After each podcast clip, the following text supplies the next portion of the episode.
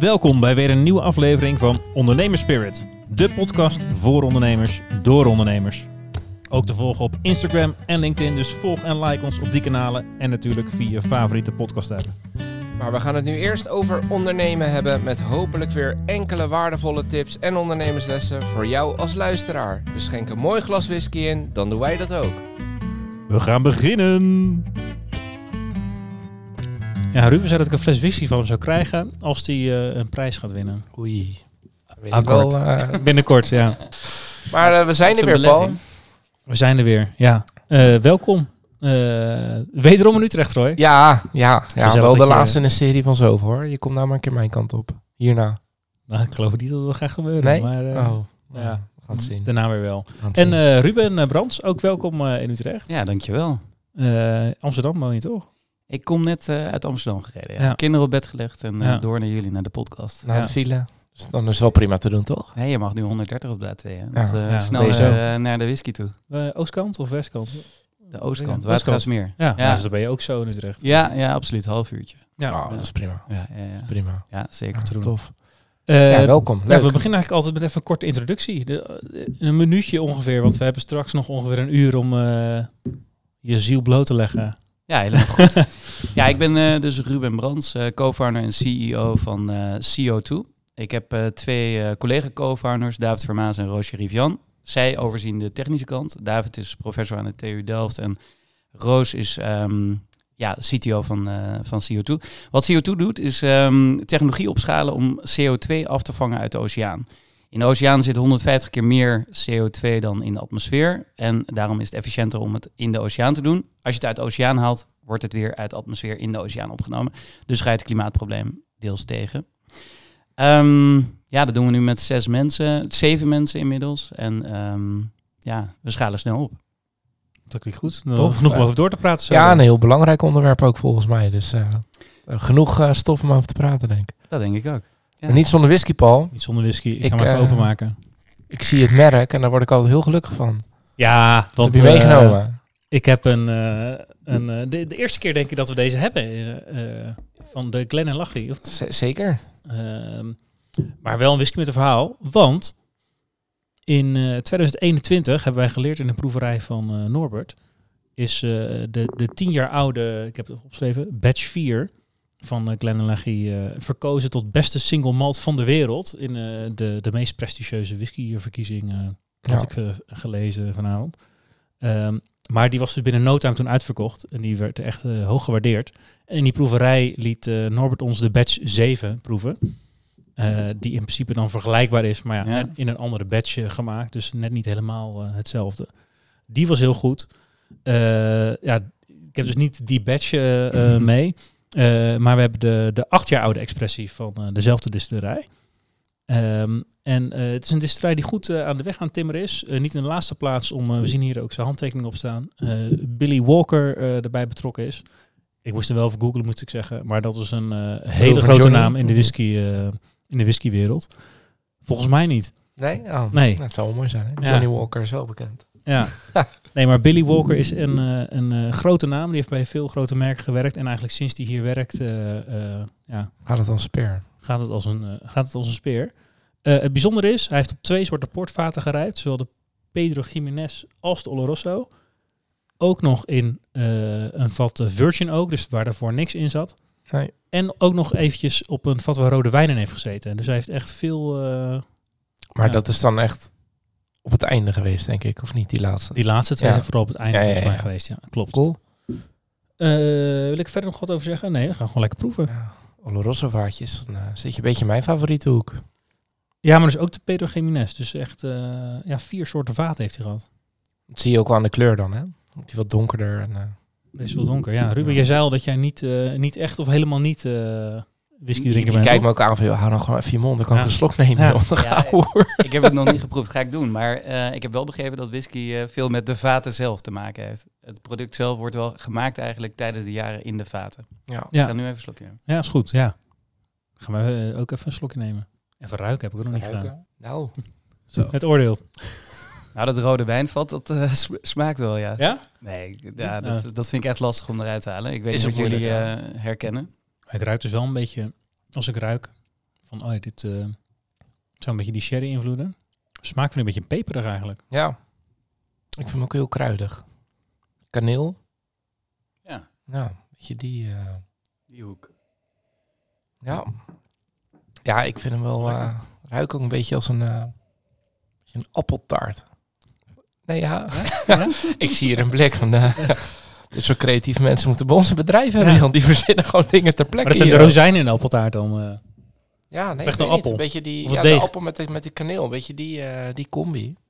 Maar kan ook zijn omdat ik de kaneel proef en dan de appeltaart erachteraan denk hoor. Dat, eh, geen idee joh. hij geeft in ieder geval een lekker warm gevoel. eh. Wel, hè? Ja. Nee, ik, ben, ik ben een bierdrinker, maar echt als ik dit weer drink, dan denk ik, oh, ik moet wel even, af en toe even een whisky eh, openmaken. Dit is echt, eh dit is heerlijk joh. Ik zei net al, we hebben een aantal vragen waarvan jij niks gaat merken, maar die leiden jou wel door het gesprek heen. Nou, er zit een vraag tussen die jou gaat dwingen tot het kopen van een fles. dat kunnen we alvast verklappen. Oké, Ja. heel goed. Ehm, wat misschien ook al opgevallen is, is dat eh, wij hebben gewoon eh, ja, mooie eh, glazen zonder Ja. logo's. Maar bij jou staat er een logo van Ondernemerspirit op. Ja. Die, eh, die krijg je als bedankje mee naar huis eh, voor de tijd die je... Maar eh, het is altijd makkelijker mee naar huis nemen als die leeg is. Dus ik zou je vooral aanraden hem eh, op te drinken. Ja, nee, dat is de enige voorwaarde. Dit, dit, De dit, enige dit, dit voorwaarde. komt wel goed. Ja. Dit komt wel goed. Eh, Tof. Top. Ehm, ja, CO2. eh, ik, ehm, je bent begonnen met eh, twee wetenschappers. Daar ben ik altijd benieuwd. Ja, ik, ik ben wel een beetje thuis in die wereld. Hoe eh kende je die mensen van tevoren al? Of eh, hoe, hoe zijn jullie begonnen? Ja, goede vraag. Ehm, ik was zelf ehm, heel veel bezig met ondernemerschap, eh, ondernemen zelf, maar ook met begeleiden van ondernemers. Wij kennen elkaar natuurlijk van Utrecht Inc., eh, Paul. Ja. En daar begeleid ik wetenschappers eigenlijk met het vermarkten van hun research. Eh, en ook gewoon normale start-ups in de Utrecht-regio. En toen ben ik eigenlijk overgestapt naar Amsterdam, naar een corporate innovation kantoor, OneUp. En daar eh, hielpen we eigenlijk grote corporates met ondernemen als een start-up. Nou, toen was ik eh, ja, bezig voor, eh, voor, voor bedrijven als Unilever, DSM hebben we voor gewerkt, Douw Egberts, maar ook Rabobank. En bij Rabobank heb ik heel veel projecten gedaan. Het was vooral het verduurzamen van hun hypotheekportfolio bijvoorbeeld. Of het helpen bij het opzetten van een carbon bank. En dat is een nieuw soort bankieren waar carbon credits worden verhandeld. En daar helpen ze bijvoorbeeld boeren met eigenlijk eh, diversificeren van hun bedrijfsmodel. Door hun landen bijvoorbeeld, veengronden bijvoorbeeld, eh, meer onder water te laten zetten. En dat niet carbon vrijkomt. En dan verdienen ze niet meer heel erg aan de grasopbrengsten en de, en de koeien die er rondlopen, maar meer aan de carbon credits. Nou, zo proberen zij eh, de economie te veranderen. Dat doen ze goed. Maar ik dacht zelf, ja, eigenlijk gedurende dat jaar dat ik veel voor Rabobank werkte, dacht ik van, hè, wat gaat mijn rol zijn eigenlijk in de problemen die we gaan tegenkomen? Die we eigenlijk nu al tegen aan het komen zijn. Ja. Ehm, privé gezien, ik heb ook drie kinderen. eh, Dus de emissies van mijn familie zijn ook vrij groot. en, en ook, Ja. ik wil hun ook niet over tien jaar moeten vertellen van... ja, papa was druk bezig met geld verdienen. Ehm, het is nu toch lekker warm. eh, en je hebt het goed. Eh, wat klaag je? Ehm, nee, Zet de airco maar wat lager. Zet er Zo, hè, dat. Nee, dat wil ik ze niet vertellen. En, en, en het is groter natuurlijk dan mijn privé-situatie en mijn gezin. Maar eh, ik dacht wel van, hé, hey, wat kan ik daarbij in betekenen eigenlijk in de oplossingen die we moeten vinden? Ehm, want we staan echt voor extreem grote problemen natuurlijk. Ehm, nou, toen ben ik gaan nadenken, dat was 2021. Toen ben ik veel gaan lezen, veel research gaan lezen. Ehm, kijken wie er echt eh, met ehm, ja, baanbrekend onderzoek bezig was. Ik dacht wel meteen aan de universiteiten. Van, hè, de, het zal wel deep tech worden waar ik me tegenaan moet eh, gaan bemoeien. Ja. Ik zit natuurlijk niet aan de technische kant, maar ik dacht wel van, hé, hey, ik kan een bedrijfje starten. Ik kan dat voor corporates doen, ik kan, dat, ik kan start-ups oprichten, ik kan eh, researchers begeleiden ook met dat succesvol te doen. Ik dacht, nou, ik heb een business en legal achtergrond, dus alles kwam een beetje bij elkaar van, oh ja, en ik wil ook wat aan het klimaatprobleem doen. En ik heb een beetje, ehm, ja, ik heb wel gevoel voor techniek. Dus ik, ik kon eigenlijk, ik dacht van, hé, hey, eh, ik kan hier alles bij Je elkaar laten welke hoek je wilde gaan zoeken eigenlijk. Nou Ja, ja, nou ja ik, ik had wel vrij snel door toen ik eh, research aan het lezen was dat het eh, carbon gerelateerd moest zijn. Carbon removal, ja, bijvoorbeeld Climeworks is een Zwitserse partij, die is al echt wel wat langer bezig. Maar carbon removal space, eh, die, die echt in niche, die, die was echt een paar jaar geleden echt in opkomst. Uh, en die is nu wel here to stay. Hè. Gisteren kwam nog een um, summary report van IPCC uit. En daar stond heel duidelijk in van... jongens, uh, we zijn al te laat. ja. Het gaat de verkeerde kant op. Carbon removal kunnen we niet meer omheen. En daar was heel veel scepticisme, scepticisme om, omheen. En nu is dat wel... Ja, die industrie moet er komen. En het zit nog steeds heel erg in de, in de beginfase. Maar ik dacht wel van... wow, dit, ja, dit is wel een industrie... Um, Eén, het moet gebeuren. Ik zag dat wel en mijn co-founders zagen dat ook wel. Uh, veel mensen toen nog niet. En twee, dacht ik van, um, we lossen wel een probleem op, we gaan impact maken. Maar ik dacht ook, dit is wel een milieugerelateerd subject, waar ook een heel sustainable business model op toegepast kan worden. En dat is niet altijd het verhaal dat is natuurlijk. Zeker niet altijd het geval, maar de tijd is er nu ook wel rijper voor. Dus uh, de markt begint daar ook wel heen te bewegen. Dus veel meer proposities, breder dan alleen carbon removal uh, gaat, gaat die kant op. Maar ik zag wel verschillende dingen bij elkaar komen. Dus ja, dat was het moment dat ik dacht van, oh ja, eh, carbon removal moet het zijn. Nou, verschillende ideeën uitgewerkt. En toevallig was ik met een, uh, een etentje met uh, wat vrienden, was ik wat ideeën aan het pitchen. Wat we heel vaak doen, van altijd weer nieuwe ideeën. En het zijn er allemaal ondernemers. En um, een, een van mijn vrienden die, uh, die, die kwam de dag later terug van... Wow, carbon removal. Nou, ik had daar nog niet heel veel uh, van begrepen. Maar ik ging lezen en toen kwam ik onderzoek tegen van David Vermaas... van de Universiteit TU Delft. Ik zei, hey, die, die heb ik nog niet gelezen. Het meest dicht bij, huizen, dicht bij huizen, maar die heb ik nog niet gelezen. En dat ging over, um, David is professor aan de TU Delft, co-founder. Uh, die begeleide uh, Roosje Rivian, onze andere co-founder, met haar PhD uh, met het subject um, carbon removal uit de oceaan. Nou, en misschien in de intro zei ik het ook al, in de oceaan zit 150 keer meer eigenlijk dichtheid van CO2 dan in de atmosfeer. Uh, en dus dat kan je eigenlijk heel efficiënt doen. En met de technologie die zij in het lab hebben ontwikkeld, um, we zijn een spin-out, spin-off bedrijf van de TU Delft en Wetsus. Um, met de technologie die zij in het lab hebben ontwikkeld, uh, kunnen we dus op een elektrochemische manier CO2 uit de oceaan halen. Uh, en toen dacht ik van ja, dit, dit is briljant. Ik zag heel veel dingen bij elkaar komen. Dus heb ik ze stout, stout schoenen aangetrokken, heb ik David een e-mail gestuurd. En um, ja, the rest is history. Dat was november 2021 en sindsdien zijn we eigenlijk heel snel gaan, uh, ja, met elkaar bezig gegaan. Niet uh, fulltime aan het begin, want ik deed ook nog een opdracht uh, bij Rabobank daarnaast. Roos was haar PhD nog echt aan het afronden. Die heeft ze afgelopen zomer verdedigd. En David is ook nog steeds professor aan de Universiteit van Delft. Um, maar sinds 1 juli zijn Roos en ik wel fulltime in CO2 gestapt. En uh, sindsdien hebben we nog een mechanical engineer aangeschakeld, een electronics engineer en een, uh, een stagiair en een medewerker. Uh, dus ook, we hebben de eerste medewerker in dienst. En dat Kijk. geeft ook weer uitdagingen. Want die engineer, dat is inhuur, zeg maar. Ja, die oh, ja, mechanical ja, engineer en electronics engineer zijn, zijn freelancers, ja. ja. ja. Nee, dus we zijn nu met zes, zeven man en uh, vrouw Tof. ook natuurlijk, want uh, mijn co-partner is uh, een dame. En um, ja, nee, dat, dat, dat gaat de goede kant uit. Ja. ja. En al wat startgeld ergens dan gekregen? Want ik neem, wat jullie zijn aan het doen zijn, dat levert niet vanaf dag één omzet op, kan ik nee, me voorstellen. Nee, zeker, zeker niet van dag één. Maar de technologie die was wel echt bewezen in het lab. Dus we zitten nu in het midden van onze verhuizing van ons lab. Ik zit zelf in Amsterdam, maar ons lab staat in Leeuwarden, in het waterapplicatiecentrum. Um, dat is dicht bij Wetsus. En daar zijn we weer een spin-off uh, bedrijf uh, van. Uh, dat is een watertechnologie instituut in Leeuwarden. Um, en we zijn nu in het midden van onze verhuizing naar de Afsluitdijk. Um, we hebben al een deel van onze setup daarheen verplaatst. 1 april gaan we echt live daar. En dan gaan we dus met ons prototype, gaan we, dat heeft een jaarlijkse capaciteit van 1 ton per jaar aan CO2 wat we uit de oceaan kunnen halen. Nou, in dit geval de Waddenzee. Um, en we bouwen aan een pilotplant en dat gaan we later dit jaar lanceren. En die heeft een jaarlijkse capaciteit van 250 ton. En het leuke is in deze markt um, dat je pre-purchase agreements kan afsluiten. Kijk, CO2 is een soort van, ja, ja, je moet het zien als een soort van future contract. Je kan ook op olie bijvoorbeeld future contracten afsluiten. Mm -hmm. hè? Dan kan je een beetje de, de prijs veilig stellen. Ja. Nou, in carbon removal gebeurt het van, oké, ik kan dan 250 ton uit de oceaan of uit de atmosfeer onttrekken. Ik ga dat permanent opslaan, bijvoorbeeld in, uh, in de grond, uh, in oude gasbellen of in uh, basalt rocks. In IJsland doen, werken ze daar hard aan.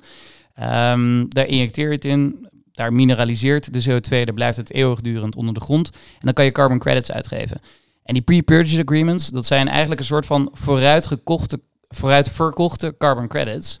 En um, zo hebben we onlangs ook, uh, en dat wordt binnenkort echt bekend, dus dan zal ik een naam noemen, maar zo hebben we onlangs ook ons enkele tonnages in ieder geval. Eh, dat gaat naar tientallen toe. Eh, die we volgend jaar eigenlijk gaan verwijderen. Die hebben we nu al verkocht. Oh, ja. Dus dat is een deel van onze funding strategy. Om eh, ja, ons product eigenlijk vooruit te verkopen. En dat Ja. is natuurlijk hartstikke mooi. Want daar kunnen we onze opschaling wel weer van betalen. Alleen dat kan nog niet uit. Want hier moet echt wel geld bij. Dus we zijn heel blij met verschillende partners. Bijvoorbeeld gemeente Leeuwarden. Die heeft eh, ons gesteund vanuit hun innovatiefonds. Wat heel mooi is. Ehm, NBO eh, steunt ons eh, zeer goed met het Faculty of Impact programma. Oh ja. Heel mooi programma. Zit Roos, mijn co-founder, zit daarin. Ehm, maar ook met de Take-Off Grant, eh, nummer 1, hebben we onlangs eh, toegewezen gekregen. Misschien wel toegelicht worden voor een aantal eh, mensen. Maar eh, Waaronder ik. ja, ik Ja. ken het, maar Ja. eh, lang niet iedereen. Ja, Nee. ja, dat kan jij het beste misschien toelichten. Want jij kent het heel goed, denk ik. eh. Eh, nou ja, nou ja eh, ik heb het nooit binnengehaald, maar de, ik wel eens mensen geholpen inderdaad. eh. Ja. Maar ja, het take-off programma van MWO is inderdaad eh, voor wetenschappers die iets hebben bedacht waarvan ze denken, hey, hier zouden we een bedrijf om kunnen maken. ja, ja, MWO precies. take-off 1 en take-off 2. Take-off 1 is eh, Ja, een grant. enkele tienduizenden euro's. Ja, dat is 40. 40, ja. Ja. 40.000 euro ehm, om een soort van aan te tonen van hier zit een business case in. Ja, Ja. precies. Eh, en de take-off 2 kan je daarna aanvragen. Eh, dat is een lening, dat is volgens mij 2,5 ton. Ja, ja. Eh, en dat is dan een lening aan het bedrijf. Dus voor take-off 1 mag je gewoon nog in dienst bij de universiteit. Hoeft er eigenlijk nog niet echt iets te zijn. Ja, Voor de take-off 2 moet er een entiteit zijn ja. Waar het ja, geld aan uitgeleend kan worden. Ja. Ja. Eh, ja, om verder te bewijzen dat het werkt. Maar Cool. dat is dus relatief ja, dicht bij de wetenschap nog geld om een bedrijf op te starten. ja, ja absoluut. Voordat je, eh, eigenlijk is allebei bedoeld, je bent nog een beetje te vroeg om naar Angels te stappen. Eh, Ja. Misschien dat het, sommigen die stappen misschien ook zo vroeg er al in. Maar het is Ja. in ieder geval in een hele vroege fase kan je dan al wat eh, startgeld. eh, Ja, Vaak kijken die waar. angels natuurlijk wel wat komt er onder staan streep uit. En als er dan nog geen businessmodel ja. helemaal uitgekristalliseerd is, ja, precies. Dus dit soort wordt geld. dat heel lastig om, een angel te overtuigen natuurlijk. Precies. En dit soort geld kan helpen om Precies. Om die ja, stap wel te eerste maken. business Ja, case ja, ja, te maken. Dat ja. je die mensen kan overtuigen om. Ja. Ja. Het is meestal niet genoeg. Als je uit de universiteit komt, is het meestal niet genoeg om 2,5 ton. eh, Nee, absoluut, absoluut. Nee, en daarom zijn deze faciliteiten echt perfect, joh. En Ja. ja. ja, dat is ook wel de mazzel dat we ontstaan zijn uit de wetenschap dat deze potjes er zijn. Nu moet ik ook zeggen, bij de RVO en Europa, daar staan natuurlijk voor dit subject staat ook heel veel geld klaar. Ehm, dus we zijn ook met RVO bezig. Ehm, dat was voor ons ook heel interessant. En de founders hebben ook wat zelf eh, geld geïnvesteerd. Ehm, Ja. ja. Maar wel tof, want ik hoorde een aantal dingen zeggen. Vaak is het vanuit een bepaalde perceptie van... hé, hey, we moeten hier iets mee. Vanuit milieu. Maar eigenlijk zag jij dus al heel snel eh, het businessmodel daarachter. En ik hoorde je net in de intro ook zeggen van... ik deed eh, ondernemers coachen. En ik, Ja. ik was al heel erg met dat ondernemen bezig. Ja. Waar, waar komt dat vandaan? Heb je hiervoor ook ondernemingen gehad? Of ja. kom je in een ondernemersfamilie? Of? Nee, eigenlijk niet. Alleen eh, wel altijd wel interesse gehad. Ehm, ja, ik heb ehm, eh, international business gestudeerd aan de Erasmus Universiteit en corporate, eh, of ik moet het goed zeggen, ehm, corporate law aan de U- eh, Mhm. UvA. En ja, dan eigenlijk ben je dan klaargestoomd om M&A-advocaat te worden. Ja. Maar ik was al heel snel, toen ik stages liep, was ik heel snel van de overtuiging...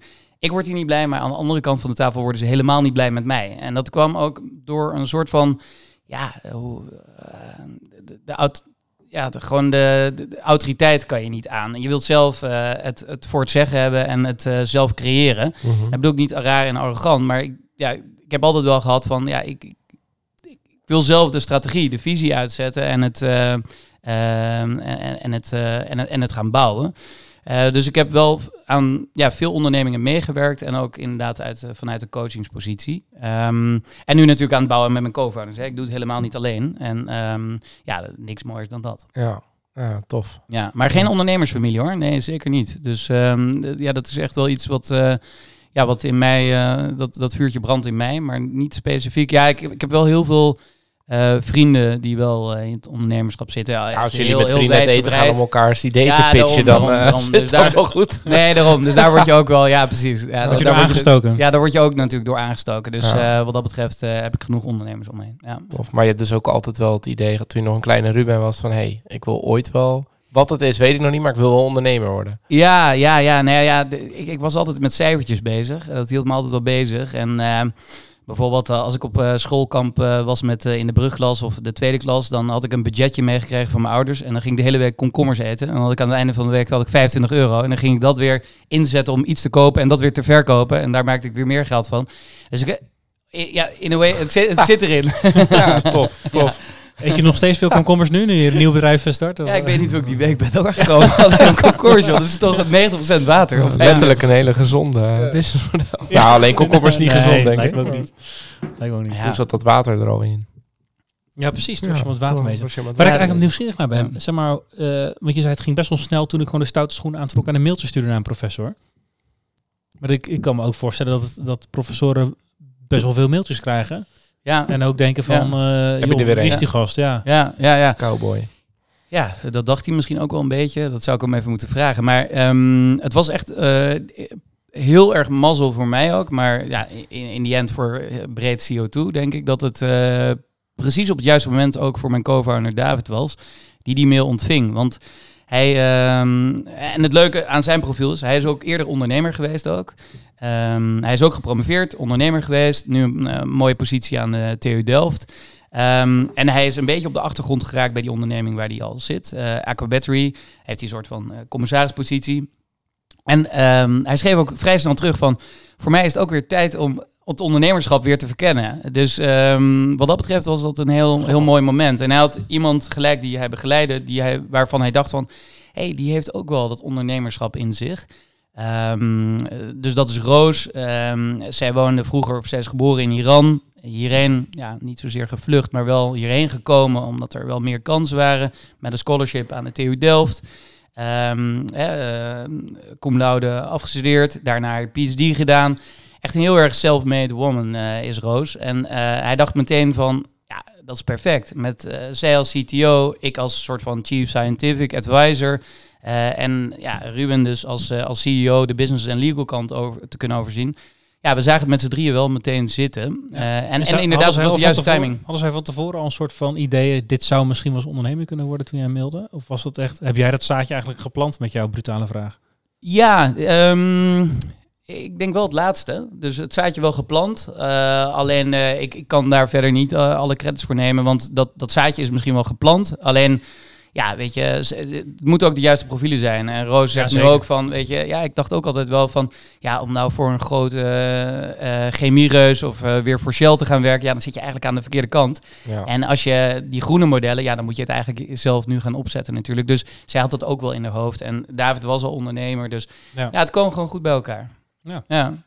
Ja, mooi. ja, dat moet altijd een beetje geluk hebben. Ja, nee, timing, eh. absoluut, absoluut. dat is ook zo, toch? Dat, Ja, eh, absoluut. Je kan heel veel afdwingen, maar het moet wel net even op dat... Stuur je hem eh, twee maanden eerder of later, komt misschien niet van de grond. Of anders. Ja, helemaal waar. Helemaal Ja, waar. En hij, hij- het, is wel Ja. dat hij ook een, eh, net iets had gepubliceerd erover in, volgens mij heette dat vakblad De Ingenieur. Dus misschien was hij ook wel een beetje aan het hengelen in de markt van... hé, hey, misschien eh, komt er een of andere gek voorbij die, Ja. eh, die dit ziet Ja. zitten. En die zit hier bij ons dan? Ja, Ja, die zit hier dan bij ons. Want je moet hier natuurlijk wel een beetje gek voor zijn. Hè? Eh, dus Hoezo- laten we het wel wezen. Ja, kijk, het is, het is een eh, industrie die in wording is. Ehm, heel veel eh scepticisme nog in de markt. Ehm, er moet veel geld bij. Ehm, dus ja, alles moet wel op de eh, juiste plek vallen. Mhm. Er is ja. natuurlijk heel veel discussie over hoe je dit allemaal wel niet mag verrekenen. Je zou ergens ook kunnen zeggen, eh, als we willen vergroenen, moeten we zo min mogelijk uitstoten. Ja, ja, En eh, wat jij uit de lucht haalt, geef je als recht aan iemand anders om uit te gaan stoten. Hoeveel ja. helpt dat nou echt? ja, helemaal waar. Hè? Dus eh, er wordt heel vaak Dat is gezegd niet per se minder, bedoel je? Nee, het wordt niet per se minder. Nee, Het is gewoon- Nee, ja, je streept Het het tegen elkaar weg. meer. Ja, Ja, je streept Ja. tegen elkaar weg. En nee, dit, dit, dit hoor je heel vaak natuurlijk. Ja. Hè? Van, oh joh, als jij dus succesvol wordt, dan zorg je ervoor dat eh, de Shells... Dat we net zoveel blijven uitstoten als nu dat- eigenlijk. Dat iedereen het eh, excuus heeft, maar ik compenseer toch? Ja. Ehm, kijk, het moet en en. We moeten alles doen. Wanneer de thousand shots on goal. We, moeten alles doen wat in onze macht ligt om te reduceren. Dus wij zullen altijd carbon credits verkopen ehm, aan bedrijven die maximaal reduceren eerst. En dan eh, een uitstoot over hebben. Eh, we, zijn, eh, we gaan niet de droom verkopen dat we een economie creëren, aan het creëren zijn dat we geen uitstoot meer hebben. Dat hoeft ook helemaal niet omdat we dan een goede carbon removal markt op, Ja. eh, op gang weten te Mhm. brengen. En dan kunnen we, en we zeggen altijd eigenlijk in onze presentaties dan ongeveer 20% van de huidige uitstoot, die zal altijd blijven. Dat kan minder zijn, maar die 20% moeten we wegcompenseren. Dus die Ja. moeten we eh, removen. En ook, er zit al te veel in de atmosfeer. Dat moeten we ook weg gaan halen. Ehm, hè, bijvoorbeeld aviation of vliegen, dat gaat nog heel lang niet op waterstof op, of op elektriciteit. Ehm hoogovens gaat op een gegeven moment wel op waterstof over, maar dat duurt ook nog een tijd natuurlijk. En ehm, ja, het maken van eh, cement, beton, eh, heel veel industrieën, da- daar komt eh, CO2 bij vrij. Heel veel industrieën willen we ook behouden. Eh, lastig te elektrificeren of met waterstof te doen. En nou, zeg dat dat 20% is die je vasthoudt. Nou, daar moet je de carbon removal markt tegenover zetten. Ja. En ehm, ik had dat nog niet gezegd. Carbon removal of eh, carbon credits is een, ehm, de eerste pijler van ons businessmodel. Maar als tweede pijler hebben we, ehm, dat is CCU, eh, Carbon Capture and Utilization. En dan zet je het dus in, dus wij gaan CO2 uit de oceaan halen. En dan zet je het in om nieuwe producten eigenlijk van te maken. En dan krijg je netto neutrale producten eigenlijk. Eh, uiteindelijk eh, geeft dat weer een uitstoot. Bijvoorbeeld als je het aan eh, greenhouses of aan glastuinbouw gaat leveren, dan die hebben CO2 nodig. Ja, beter dat die het natuurlijk uit de mijnen van CO2 die we al hebben. Dus de atmosfeer en de oceaan moet je eigenlijk als mijn van de CO2 zien. Ja. Een soort opslagbatterij dat, ja, eigenlijk. be- beter, beter dat, dat, dat je daaruit haalt en daar je planten weer van laat groeien. Uiteindelijk gaan die planten natuurlijk weer, die vergaan. Dus de Stoten ze CO2 eruit. komt weer, Ja. maar dat is wel netto neutraal. Dus dat is niet nieuwe CO2 die Nee. ervoor gemaakt is. Bijvoorbeeld de glastuinbouw zet een heel vies apparaat nu aan. Daar creëer je meer creëer je warmte mee, maar Ja. ook CO2. Ik heb er wel eens over De verbaasd. dat, warmtekrachtcentrale. eh, ja. En, nou, dat, ehm, dat is eigenlijk bizar, want dat is nieuwe. En wij noemen het altijd vieze CO2.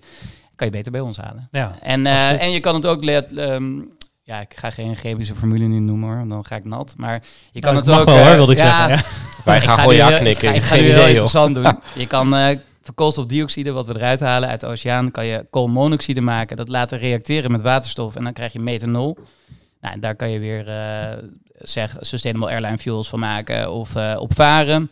Ehm, je kan er plastics van maken van CO2. eh, je kan het voor frisdrankmaatschappijen die je CO2 nodig. Dus hè, op een gegeven moment krijg je Coca-Cola Zero, maar dan is Zero ook zero CO2-uitstoot. Ja. Nou, dat, eh, Ja. die markt die krijg je.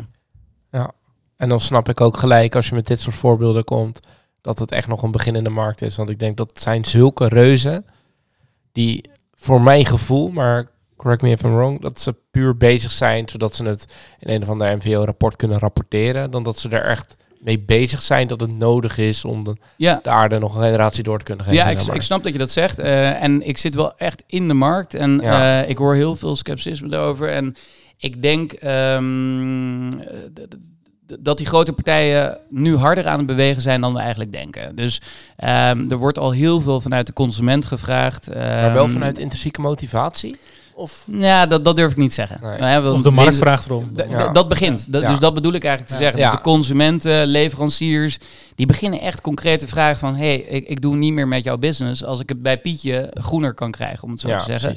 Ehm, dat, dat begint echt op, op gang te komen. Dus ehm, ja, ik denk dat eh, de Coca-Cola's van deze wereld, hele commerciële bedrijven, maar die, ja, die gaan dat ook gewoon echt doen dan wel. en uitventen van hoe moet je ons eh, bezig zien. Ja. Ja, ja precies. Maar Gewoon die moeten dan CO2, wel. geen CO2 van CO2. in, Maar dat is eh, natuurlijk wel een hele Ja, ze visdrank. zijn- belangrijke stap. Ja. Het is wel een hele belangrijke stap, toch? Dat, dat de markt eigenlijk daarnaar vraagt van, joh, we willen dit niet meer.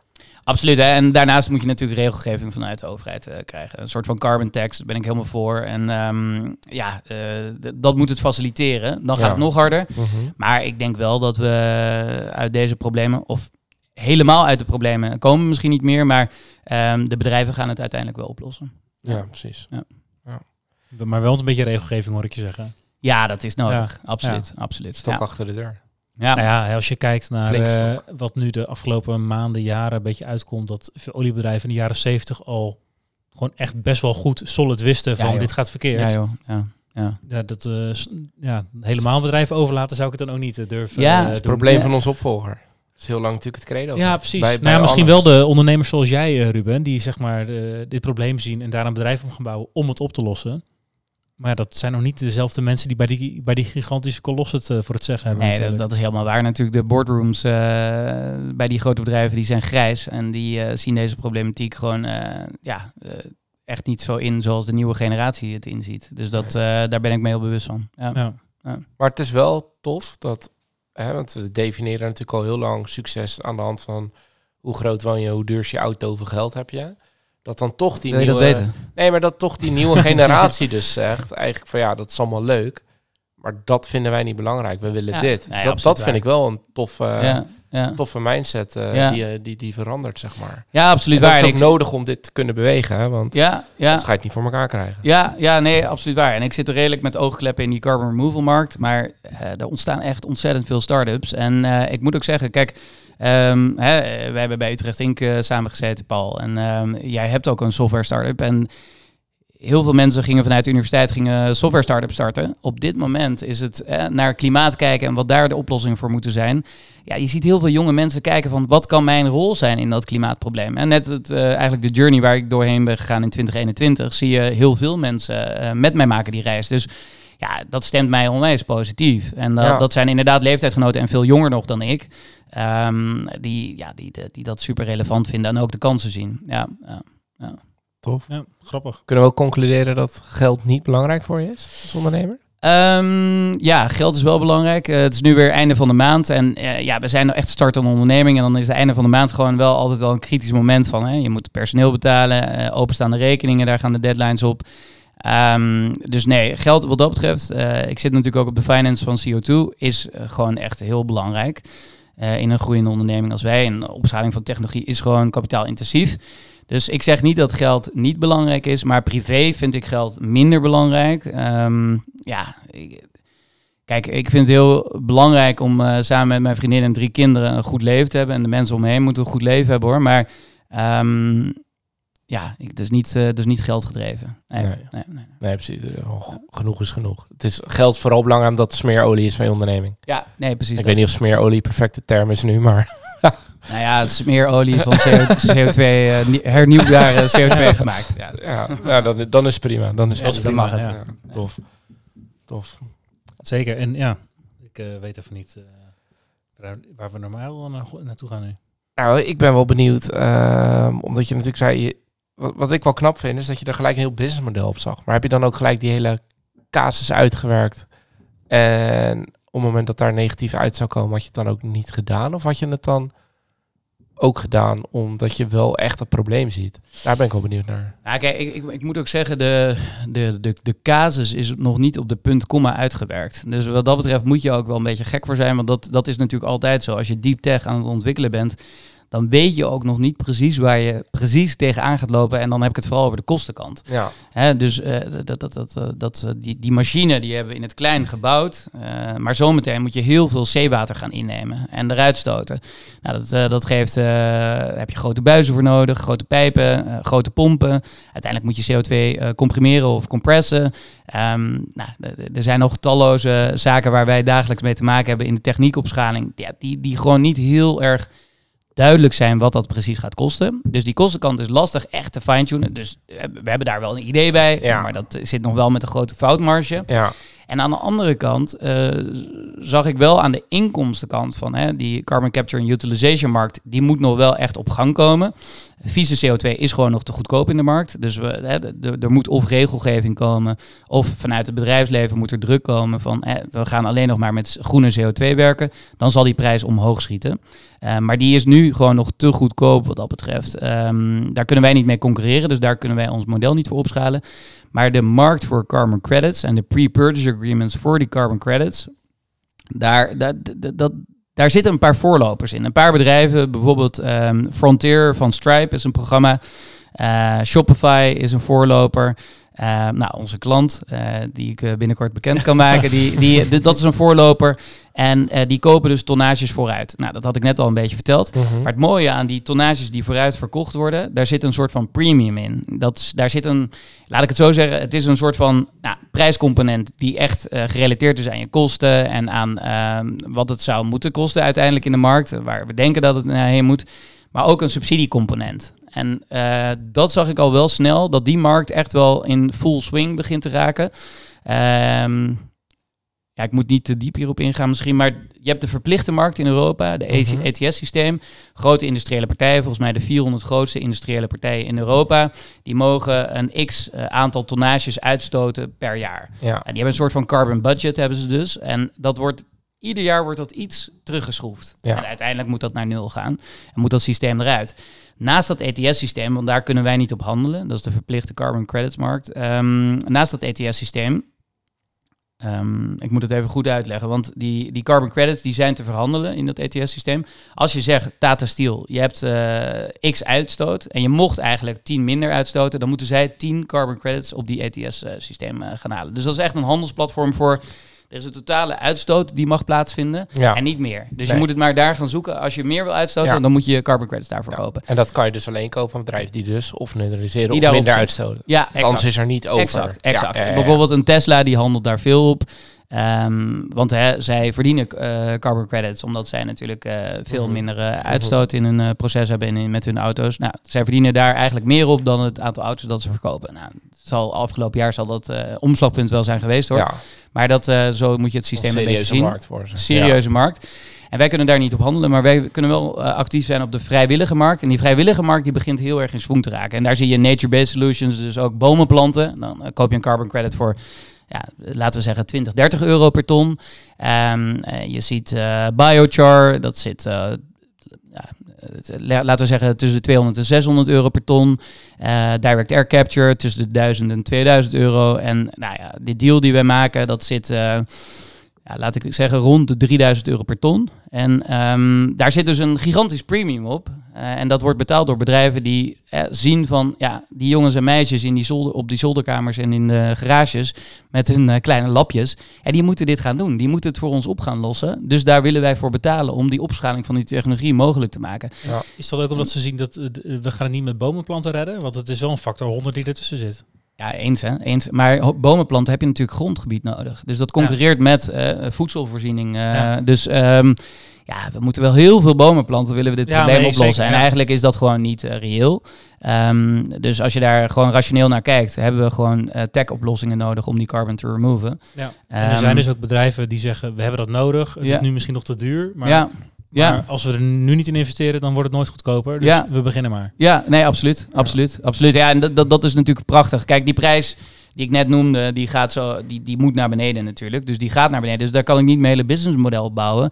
Maar ik kan wel de techniekopschaling daarvan betalen. Dus dat, dat, en dan ben je alweer verder. En dan ben je al verder in je bewijs. En dan, hè, dan, dan gelooft ook een eh, grotere investeerder zo meteen er echt wel in. Ja. En daar ben ik eigenlijk van overtuigd. Dus, en, en dan heb je weer een heel ander verhaal van financiering. En dan is je kostenkant ook ehm, duidelijker. Ja. Ehm, ja, daar dus veel beter op. eh, ja, en, en een, deel, een deel moet je een beetje gek zijn. Natuurlijk, Ja. doen. ja, nou, Dat dat begin ik nu wel steeds. genoemd, ja. Nee, maar dat begin ik nu ook wel steeds meer te begrijpen. Ik denk, ja, maar voor iedere ondernemer geldt het toch dat je een beetje gek moet zijn om Ja. blind te geloven. in- Ja, absoluut. Want ik denk dat iedereen ondernemer wel de verhalen kent. Joh, dat moet je niet doen, joh. Nee, absoluut. Nee, en eh, als heel veel Maar mensen nu- tegen je zeggen, dat moet je niet doen, dan moet je gaan nadenken. Want dat is vaak heel interessant. Ja, nee, maar dan, dan precies. Ja, dat dan is vaak zit je heel buiten de comfortzone van heel veel mensen. Dus in nieuw Ja. gebied, zeg maar. Ja, nee, nou, heel veel mensen die, eh, die denken ook altijd van eh, een gevierde ondernemer. Ja, dat ging met een rechte lijn omhoog. Ja, dat is Mhm. natuurlijk, ja, dat weten we allemaal. Dat is helemaal Dat is een zo. stuk wat ze te zien krijgen Dat is namelijk. een stuk wat ze te zien krijgen. Ja. Maar je, ja, je, je, Ja. je, je hebt meer, eh, meer keren in de maand dat het eh, even slecht gaat. En, maar ja, een paar keer een eh, winnaar ertussen. En Ja. dan, ja, dan, kan je weer een paar maanden vooruit. Ja. Precies. En dat is, eh, ja... Ben, nou ben je de, de enige of een van de weinigen die echt naar, het, naar de oceaan kijkt? Omdat je net zo 150 keer meer. Ja, Ja, ik ben echt complete leek in dit gebied. Maar Ja. ik zou dan denken, dan zou ik verwachten dat alle focus daarop gaat. Want daar is Ja. de quick win te halen. Ja, dat is een hele goede vraag. Eh, er zijn wel andere start-ups die hier ook naar kijken. Eh, Collega-onderzoekers van David en Roos eh, uit de US, die zijn ook een start-up begonnen. Een beetje een gelijkende technologie ook. Ehm, en er zijn een paar andere start-ups, ook wel op, op basis van een andere technologie met de oceaan bezig. Eh, de oceaan is gewoon heel interessant. Alleen, kijk, bij direct air capture haal je het uit de atmosfeer. Dan moet je grote ventilatoren neerzetten. Eh, dan laat je al die lucht, waar 420 parts per million zijn CO2, al die lucht laat je langs een chemisch goedje voorbij eh, blazen. Ehm, dat stikt aan het chemische goedje. Dat moet je verwarmen en dan kan je dat CO2 uit onttrekken. Ja. Maar 420 parts per million is natuurlijk heel weinig. Dat is een soort van speld in een hooiberg die je aan het zoeken bent om die CO2 maar te vangen en eh, te removen. Ehm, dus dat maakt wel de oceaan interessanter, omdat daar de dichtheid van eh, CO2 Veel hoger hoger. is. Maar je hebt daar niet, in de atmosfeer kan je gewoon die CO2 eruit onttrekken. En je doet eigenlijk niks met die atmosfeer. Dat blijft gewoon hè, eh, zuurstof en, ehm, en stikstof. Hè? Eh, stikstofprobleem. Nee, daar gaan we niet over hebben. BBB, nee, ook niet. Ehm, eh, waar ging ik heen? Oh ja, de, de oceaan maar in de oceaan, kijk, wij gaan met die oceaan aan de slag. Maar dan heb je ook wel andere eh, krachten die spelen. Dus hè, eh, wij gaan bijvoorbeeld ook verzuring tegen van die oceaan, omdat we CO2 uithalen. Nou, dat is een voordeel. En dat is een voordeel voor biodiv- biodiversiteit en ecosystemen in de oceaan.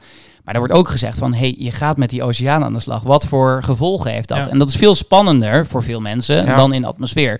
Als je het En we- over verzuring hebt, denk ik opeens over eh, die koraalrif, eh, waar wordt Ja. gezegd, eh, moet je hem niet naast de koraalrif en dan... Exact, exact. Heel interessant. En kijk, we werken met het NIOS samen. Dat is een instituut op Texel voor oceaan eh, research. En die zetten eigenlijk al wel, gewoon in theorie al wel groene vinkjes bij ons model. En ook eh, de, de, de, de, mm, de, de, de uitwerking op die oceaan. En inderdaad die verzuring die je tegengaat. En eh, hoe lang blijft dat dan eh, meer basis, dat water? En ehm, gaat het koraalrif misschien wel weer, doet dat herleven? Dat zijn zaken die we nog wel uitzoeken. En ook het, de factor, en dat is ook een hele belangrijke. Hoe bewijs je dat de CO2-molecuul die je uit de oceaan hebt gehaald, weer opgevuld, opgevuld wordt door een CO2-molecuul uit de atmosfeer? Want dan ga je echt het klimaatprobleem tegen. Dus dat met direct air capture is dat bijvoorbeeld al beter te bewijzen. Met bomen is dat ook goed te bewijzen. Al is het natuurlijk wel, wel in het geval van bomen, die kunnen in de brand vliegen, die kunnen ook vergaan. Ja. En die, dan komt de CO2 ook weer in de atmosfeer terecht. Maar dat is de, wel een duidelijker verhaal. En ook hier is heel veel research over gedaan. En dat, dat, daar kunnen we ook wel een groen, groen vinkje voor ontvangen. Maar dat is nog wel die case. En eh, dat heet in ons vakgebied heet dat Monitoring, Reporting en Verification. Die MRV case, die storyline, die hebben we nog niet helemaal compleet. Nee. Dus ook de, de carbon credits die ik al verkoop, daar zeg ik wel bij van, nou, de MRV-storyline is niet compleet, daar, daar werken we hard aan. Maar ehm, ja, vertrouw me erop dat we het Ja, eh, voor elkaar maar krijgen. Maar het is wel een moeilijkere. En daarom is misschien ook dit oceaan, eh, ocean, eh, meer, direct ocean capture, laten we het zo noemen, doc, is wat mm, ja, meer on, Onontgonnen. ontgonnen. Ja, ja, Dus eigenlijk zit je nu nog een beetje aan de gunfase. Bedrijven gunnen het jullie met jullie concept om bewijs het maar. Ja, daar heb je hulp bij nodig en dat gunnen we je. Ja, ja, precies. Cool. Precies dat. Ah, ja, tof, tof. Heb je een voorbeeld als ondernemer? Dat je zegt van nou, als ik, hoe, hoe hij of zij de tent runt of hoe zij... Ja, ja.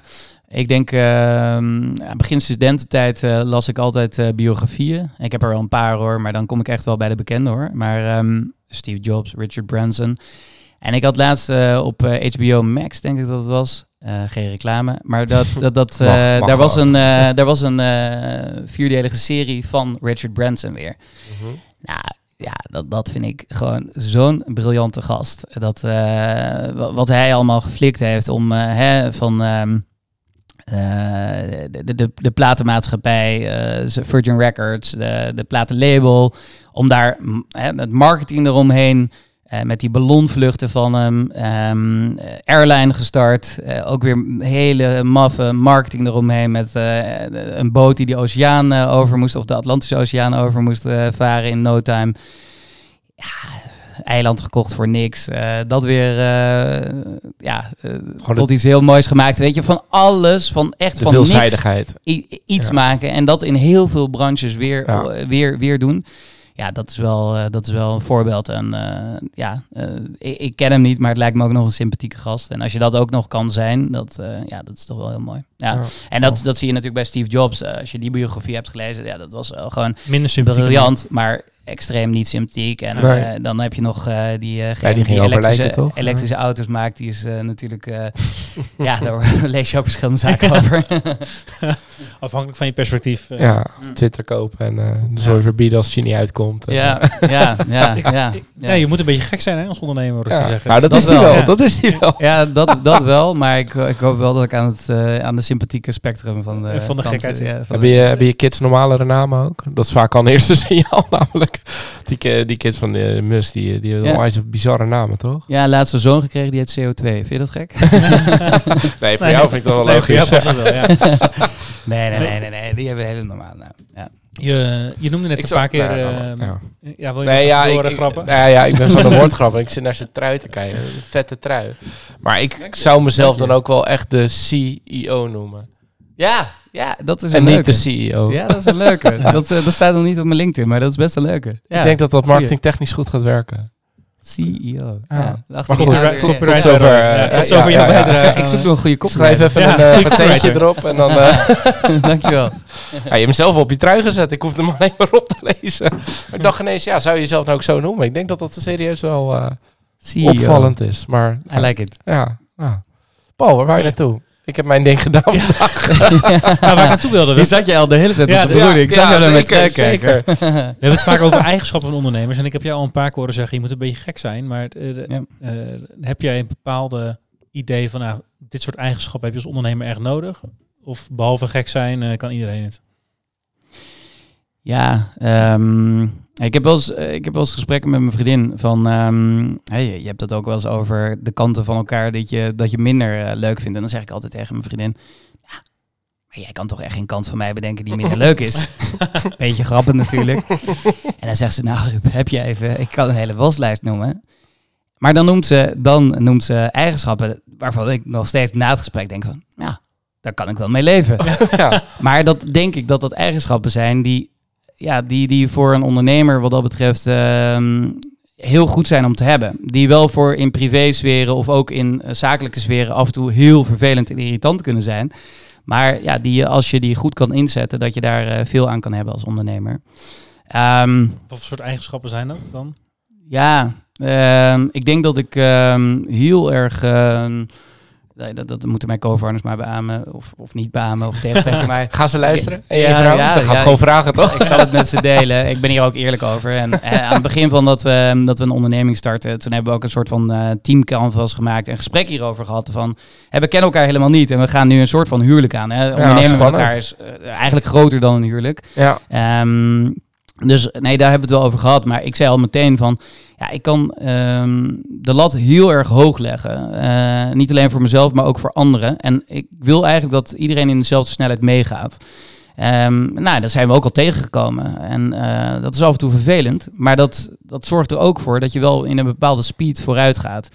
Eh, en nogmaals, daar neem ik helemaal niet alleen de credits voor natuurlijk. Maar ik denk wel dat die, die eigenschappen in kan leggen om dan wel zo'n team daarin, daarin mee te nemen. Ehm, ja, en ik denk dat ik ook eh, een hele vervelende kant eh, heb, die ik af en toe in kan zetten en heel bewust kan inzetten. En dat is ja, een heel erg. ehm, die kennen mijn vrienden ook wel. Eh, als we problemen hebben of wat dan ook, dan schuiven ze mij vooruit van hij regelt het wel. En dat is een hele zakelijke harde kant. En ja, die, die kan ik, ehm, ja, wanneer het me uitkomt, laat ik die zien. En dan ben ik niet, ja, dan gaat niet iemand zo'n mooi glas whisky, denk ik, voor me inschenken. Die is dan niet zo blij met me. Maar ja, dan u- in die end, ja, is dat dan even nodig geweest. En Ja, ja, wel. ja dat is denk ik een eigenschap die ik, ehm, ja, die, die, ja, ja, ik, ik- ja, die ik af en toe inzet. Ja. Ja, Ja, als- in, het- het, in het algemeen misschien wel. eh, ik denk dat veel ondernemers wel, als het, als het moet, dat ze heel hard kunnen zijn. ja, ja. dat. En eigenwijs, die hoor je ook heel vaak. Dat je toch Ja. ja. ja, jouw stip op de horizon. En daar ben je dan moeilijk van af te brengen, zeg maar. Ja. Dan moet je wel met verdomd goede argumenten komen. Nee, absoluut. Nee, absoluut. Als ik dat naar een privé situatie trek, dan uh, ik, uh, ik, ga, ik ga jaarlijks ook wel skiën met vrienden. En dan, uh, dan denk ik altijd van, hé, maar wat, waarom komen zij niet met accommodaties of huisjes aan? En waarom hebben zij niet ideeën? En dan uiteindelijk hoor ik altijd van, ja, ja, ja, we hebben het jou maar laten boeken. Want als wij met iets aankomen, het wordt toch wat jij uh, het beste vindt. ja, en dat, dat zie je ook in veel andere gevallen. Ja, dat zie kan soms ook een beetje dwars zitten. Want dan, ja, een, dan, beetje, een beetje obsessief misschien. Dus uh, wat dat betreft, ik herken dat ook, dat het wel een beetje maniacaal af en toe kan zijn. En ja, je moet wel met goede argumenten komen om mij van mijn stuk te brengen dat niet mijn idee de juiste is. Dus dat is ook heel, ja, als we het zo over hebben, ik ben ja, misschien wel een vervelend ventje eigenlijk. maar ja, dat, dat probeer ik op de goede manier ja, in te zetten. Maar zij hebben dan de technologiekant om jou te overrulen, want daar weet je ja, niks van. absoluut, toch? hè, absoluut. Hè. Dus uh, nee joh, ik, ik moet mij bij onze start-up moet ik me veel vaker het laten vertellen hoe het gaat gebeuren. Uh, dus dat, uh, dat heb je helemaal correct. Ja, ja, ja, ja. Nou, dat is ook wel gezond misschien, dat je af en toe... Absoluut, ja, ja nee, dat is een goede wisselwerking. ja, ja, ja. Hey, en als alles nou helemaal gaat hoe jullie het willen, en gewild hebben, waar staan we dan over tien jaar? Ja, eh, en dan ga je het eigenlijk over ehm, aantallen aan eh, carbon wat we gaan removen, denk ik, hebben. Dat zijn onze grotere milestones. En ehm, eh, we, kunnen in 2025 kunnen we al in kiloton schaal kunnen we carbon removen. Megaton, dus ehm, echt een miljoen ton in 2028 en 2035. Dat is onze grote stip op de horizon. En nou, dat is over 12 jaar, maar laten we dat nu even nemen. Dan kunnen we in gigaton removen uit de oceaan. En ook opslaan. Dus netto negatief eh 1 gigaton. Je moet zien, de wereldwijde uitstoot is op dit, moment, op, dit moment iets van de 37 gigaton. Ehm, 37 wereldwijd? ja, ja, ja, 37 gigaton. 37 miljard ton Ja. aan CO2. Nee, dat, dat vind ik heel veel, maar dan vind Ja. ik jouw gigaton ook extreem veel. Dat is ook heel veel. Als je dat kan. Ja, maar we moeten wel een beetje ambitieus blijven. Ja, nee. maar dat is dus 1 37ste van ons huidige jaarlijkse uitstoot wereldwijd. Ehm, maar dat is over 12 jaar. Hè? Dus Ja. Nee, dat, is, dat is de... Tegen die tijd ja. stoten we ook veel meer uit natuurlijk. Ik, Nou, weet ik laten we hopen van niet. Nee, laten we hopen van niet. Ja. Ja, je bedoelt dan is het een kleiner percentage van het geheel. Maar Ja. nee, we- laten we hopen van niet. Dus eh, laten we hopen dat het alleen maar een groter percentage van het geheel Ja. wordt. Nee, zeker. ja. Ja. En wat, wat voor soort bedrijf zijn jullie dan? Heb je daar een beeld bij al? Of zit het echt helemaal op die, op die tonnen gerekend? Van dat moeten we dan kunnen en wat voor soort organisatie er omheen zit, dat zien we dan wel weer. Nou, kijk, eh, onze technische kant zal zeker groot moeten opschalen. Maar in die end, eh, als dat staat en als we gewoon ons trucje goed kunnen eh, en die techniek kunnen opschalen, dus meerdere plants ter wereld kunnen neerzetten en het ook kwijt kunnen, dus die carbon kunnen opslaan, ja, dan zal je ook een grotere commerciële organisatie optuigen om dat allemaal hè, in, de markt, in de markt weg te zetten. Ja, ik, ik durf daar nu geen ehm, aantal aan mensen op, op te hangen. Eh, liefst zo klein mogelijk, want eh, ja, we hebben nu één officiële medewerker. En ja, wat ik zeg, dan word ik ook aan het eind van de maand zenuwachtig van hè, dat, dat salaris Ja, moet betaald worden. een ander ondernemer kan je eens vragen van, hey, nog eh, 14 dagen is dat oké? Maar ja, je medewerker, dat, eh, dat betaal En je op jezelf kan je ook altijd nog even, nou, ik eh, schuif het nog even vooruit. Ja, dat kan ook niet meer te lang. Maar, eh, Nee, ja. nee, maar d- hè, d- dus, eh, d- dus dat, dat, dat geeft stress. Dus een hele grote organisatie voorzien wij niet. Maar laat het in honderdtallen dan lopen. Maar niet in duizenden of tienduizenden. Nee, maar, zeker niet. Nog enigszins overzichtelijk. Iedereen moet je nog met naam kunnen kennen. Zeker, ja, Ja. zeker, zeker, zeker, zeker. En ik moet ook zeggen, het zou heel goed kunnen zijn dat ik tegen die tijd niet de CEO ben hoor. Want ik denk dat, dat eh, ah, ja, andere mensen daar veel beter in zijn dan ik. Dus ehm, ja, dan zie ik mezelf eigenlijk op een eh, soort van, niet, niet, misschien een, niet een zijspoor, maar wel, ja, ehm, ja, nog wel bezig met CO2, maar niet meer eh, als eh, CEO. Dan kunnen we een boek als spreker op. eh, Ja, precies. Ja. Ja. Nou, nu komt dan de vraag komt die er Roy had dan komt er een aangekondigd. boek. Ja, ja, ja jij mag ja, hem stellen, maar zeker. Zeker. Ja, ja, ja. Want eh, we hebben het dan over, eh, is er een fles voor succes? Dus stel, over twaalf jaar hebben we dit bereikt, of misschien al eerder een van die milestones, is er dan een fles die, eh, die je klaar hebt staan van als we dat bereiken, dan gaat die open. Nee, ik hoorde jou eh, in een van die podcasts een paar keer geleden. Jij had je fles van succes had je Ja, binnen, hè? die staat klaar. Ja, die staat klaar. Nee, dat heb ik nog niet. Dus dat moet ik nog gaan definiëren en, eh, en gaan kopen. Hè? Of Ja. cadeau laten doen, denk ik. Maar ehm, Ja. ja, Ja, eh, Nou, Wil misschien je hier nog eh, een als beetje van toch- proeven? Van of die goed genoeg is? Ja, om, hij heeft eh, zijn huiswerk al af. hè. Ja, dat kunnen we alvast roepen. Je mag hem sowieso meenemen, maar een kleine refill. eh. ik lust nou wel een Ja. klein beetje eigenlijk. Ja, ik moet hem wel rijden, dus niet... eh, Ja, niet, klein eh, beetje, niet- klein Nee, maar als we toch van de ideeën zijn, heel veel whiskies zijn 12 jaar oud. Ja. Is het niet super tof dat Ja, je hier ergens ja, ja, ja, een ja. destillaat kan Ja, scherp. Ja. bekomen Voor die je het, dan eh, over 12 grote jaar op fles van. En als je hem eh, dan 1 gehaald gigaton hebt, 2035. dat is wel vet. Ja, ja, ja, maar dat, dat betekent wel dat ik nu die whiskyfles moet betalen. Dus, ja, maar die is eh, nu nog niet zo duur. Want nu liggen een destillaat, dus de, de grootste factor tijd, die betaal je. Ja, ja, ja, ja. Oh ja, ja, zo is het. Ja, ik vind het een heel goed idee. Dit, deze whisky smaakt eh, naar meer, moet ik eerlijk zeggen. Nou, we hebben het wel eens over gehad, toch? Dat, of we niet een, eh, een eh, vat moesten kopen. Ja, maar als je dat, als je dat kan Als je dan doen, nu een vat koopt en over twaalf jaar wordt die gaat geopend. fles. En dan zeggen we, we hebben hem Ja. gehaald, jongens. En dan krijgen de, de, de co-founder, de eerste medewerkers, die krijgen allemaal fles. En de Ja. rest is voor, weet ik Ja. veel, de partners en weet ik het wel. Alleen dat is wel dus een grotere investering, een vat inkopen. Ja, maar dan heb je het echt over een paar duizend euro. En dat is serieus, het is geld, maar ja, ja goed. Ja. Ik pitch hem alleen. Ik, Ja, vind, ja. ik vind het tof Ik idee. vind het een heel goed vind idee. het ook een goed vind het een heel idee. leuk idee. Ik ben ook wel van de champagne, moet ik zeggen. Dus ik, het gaat dan tussen champagne en eh, whisky. Maar ik vind het wel een heel goed idee, inderdaad. Want op zich, alle successen moet je vieren natuurlijk. Dat weten jullie ook als ondernemers. En zo'n grotere goal. En wellicht eh, als je er een beetje net nog naast zit, maar hè, dan, dan Ja. is het heel gaaf om zo'n eh, fles te hebben. Of vat. Laten Ja. we meteen groot denken. Ja, Ja, groot denken. Nou ja, een gigaton. Gro- Dan kan er ook aan een vat denken, toch? Het vat van succes. Het vat van succes.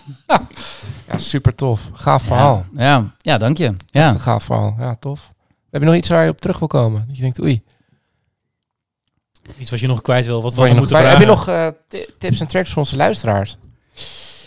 Tips en tricks Ja, voor onze willen, luisteraars. Die willen ondernemen. Ja, Dat je denkt, ja. joh, als je daar tegenaan Ja, loopt, ondernemen is natuurlijk eh, ook wel echt een spelletje van timing van, eh, van geld. We hebben het nu een paar keer over gehad natuurlijk. Je, je cash in en uit eh, flow moet je goed managen. En ook het, eh, het- de timing van een investering. En Mhm. ehm ja, wij zitten daar eigenlijk nu middenin. Dus ik kan eigenlijk niet echt een tip geven, maar eh, meer van ehm, hou dat altijd goed in de gaten natuurlijk. Ehm, en, en voor ons ja, levert het gewoon nu wel stress op dat we niet eerder met een grote investeerder in zee zijn gegaan. Dat willen we ook nog niet. Dus we staan er nog wel achter. Maar dat geeft nu wel, hè, dat zijn verschillende potjes waar wij eh, aanspraak op kunnen maken, maar die zijn allemaal geoormerkt. En als bedrijf heb je ook wat algemene kosten. Ja, en Ja. waar haal je dat dan vandaan? Of een Ja. subsidie, daar moet je ook weer cofinanciering voor hebben. Nou, dat hebben we nu niet eh, meteen in place. Daar hebben we allerlei ideeën voor en dat loopt allemaal wel. En ik, ik heb daar vertrouwen in dat dat goed komt. Ehm, maar denk daar goed over na en heb dat, dat, dat plaatje of dat, nou, ik, noem, ik noem het nu een spelletje, maar dat is niet echt een spelletje natuurlijk, dat is heel serieus. Maar heb dat plaatje goed ja, geschetst en, Ja. en, en handel daarnaar. Want ehm, hè, het is iedere keer heel snel het einde van de maand en dan, eh, ja, ehm, ja, dan moet het eh, geregeld zijn eigenlijk. Hè? Ja, precies. Ja, Ja. En die maanden gaan eh, snel af en toe, hè? Ja, het- extreem. ja. Ja. Ja, we hebben februari net achter de rug. Dat was de kortste. Dus Ja, ja, precies. voorlopig Dat kan je er even tegenaan. maar, maar, maar ik denk wel, waar, waar ik op terug wil komen, maar ik wil eigenlijk aanvullen, want eh, we hebben echt wel een paar challenges ehm, die te overkomen zijn als CO2. En ehm, ja, ik weet niet eh, wie er allemaal luistert natuurlijk naar jullie podcast. Ik wil wel, wel het moment gebruiken, want ehm, kijk, ons proces is een elektrochemisch proces. We hebben heel veel elektriciteit nodig. Nou, we gaan dat natuurlijk niet met eh, fossiel gestookte eh, elektriciteit gaan we dat doen. Niet met kolen of niet met aardgas of niet met olie gestookt, maar met groene energie uiteraard. Dus we zijn eh, heel hard op zoek naar ehm, grote windparken, ehm, eh, energiebedrijven of transporteurs die zoiets hebben van hey, deze hebben veel elektriciteit nodig en die gaan er goede dingen mee doen. Ehm, onze technologie kan je gemakkelijk in- en uitschakelen, echt op het moment. Dus wij kunnen als een soort van load balancer voor het net werken. Hè. Je hebt heel veel problemen met decentrale energie, win, of eigenlijk decentrale energieproductie. Heb je heel veel problemen natuurlijk op het net. Het kan het net op heel veel plekken eigenlijk niet aan. Ehm, en je hebt momenten van hè, windenergie, zonne-energie. Het kan ook wel, nou zon minder, maar windenergie kan ook wel eens geproduceerd worden, maar ze kunnen het niet kwijt. Dan kan je onze machine aanzetten. Dus we zouden voor energiemaatschappijen en transporteurs zou- zouden we als een soort van load balancer van het net kunnen zijn. Ehm, en voor ons zou het interessant zijn. Een business we- case toch? Voor ons zou het interessant zijn, want dan kun je misschien met negatieve energieprijzen Ja. zelfs je, je, je Ja. machine draaien. Dus dat is interessant. Maar we kunnen ook daarmee een heel erg groot probleem oplossen, wat nu in de energietransitie heel erg leeft. Dus nou, energiebedrijven, weet me te vinden, co2.nl. En ehm, ehm, ja, ik denk ook ehm, de Nederlandse overheid. CO2 kan echt helpen bij eh, de klimaatdoelstellingen die de Nederlandse overheid eh, heeft geformuleerd. Ehm, een heel mooi project wat eh, minister Jet eh, afgelopen maandag, meen ik, eh, of van het weekend bekend heeft gemaakt, is bij een groot windpark in het noorden, boven de Waddeneilanden, wordt een soort van ehm, waterstofproductie-eilandje gemaakt. Dat is heel slim. Je maakt van ehm, eh, de groene elektriciteit, maak je ter plekke maak je waterstof en dat ga je transporteren naar een Tata Steel, zeg. Ehm, ja, dat is natuurlijk heel interessant. eh, want ehm, ja, dan hoeft het niet meteen te gebruikt, te- gebruikt te worden. Of het wordt meteen gebruikt, die elektriciteit, maar je kan later die waterstof inzetten. Eh, nu denk ik wel weer, eh, die waterstof kan je misschien ook, die moet je niet transporteren, maar die moet je weer laten reacteren met onze CO2, Ja. CO. En dan kan je er methanol van maken. En daar moet je wat mee, want dat is weer eigenlijk wel, nog wel wat makkelijker te transporteren en dingen mee te doen. Dus ja, Rijkswaterstaat, eh, ministerie van Klimaat van Jetten, ehm, ja, weet ons te vinden. Ja, nou ja, Mark Rutte is een vaste luisteraar volgens mij. Dus eh, hij zal binnenkort vast wel bellen. Ja, maar die heeft niet zoveel macht hè? nee, zeggen, hoe lang zit hij er nog? Dat, dat is Ja. wel een relevante vraag, denk ik inmiddels. Ja, we gaan dat, deze eh, even wat eerder op Spotify zetten, ja, zodat hij nog... Dan eh, kan hij er ja, nog wat mee. Kan hij er nog wat mee. Ja, precies. Hey, onwijs bedankt voor je tijd. ja, En eh jou zie ik volgende week weer, Paul. Zeker, dankjewel Ruben. ja, graag Tot de volgende. Tot de volgende. Dankjewel voor het luisteren naar weer een aflevering van Ondernemerspirit, de podcast. Hopelijk vol met wijze ondernemerslessen en natuurlijk inspiratie voor schitterende whiskies. Volg ons op Insta als je dit vaker wil en subscribe natuurlijk eh, op Spotify. En help ons eh, zo aan een grotere fanbase. En eh, ja, dat wij meer ondernemers en whiskyliefhebbers kunnen inspireren met onze mooie verhalen samen met een gast. Tot de volgende keer. Tot de volgende keer.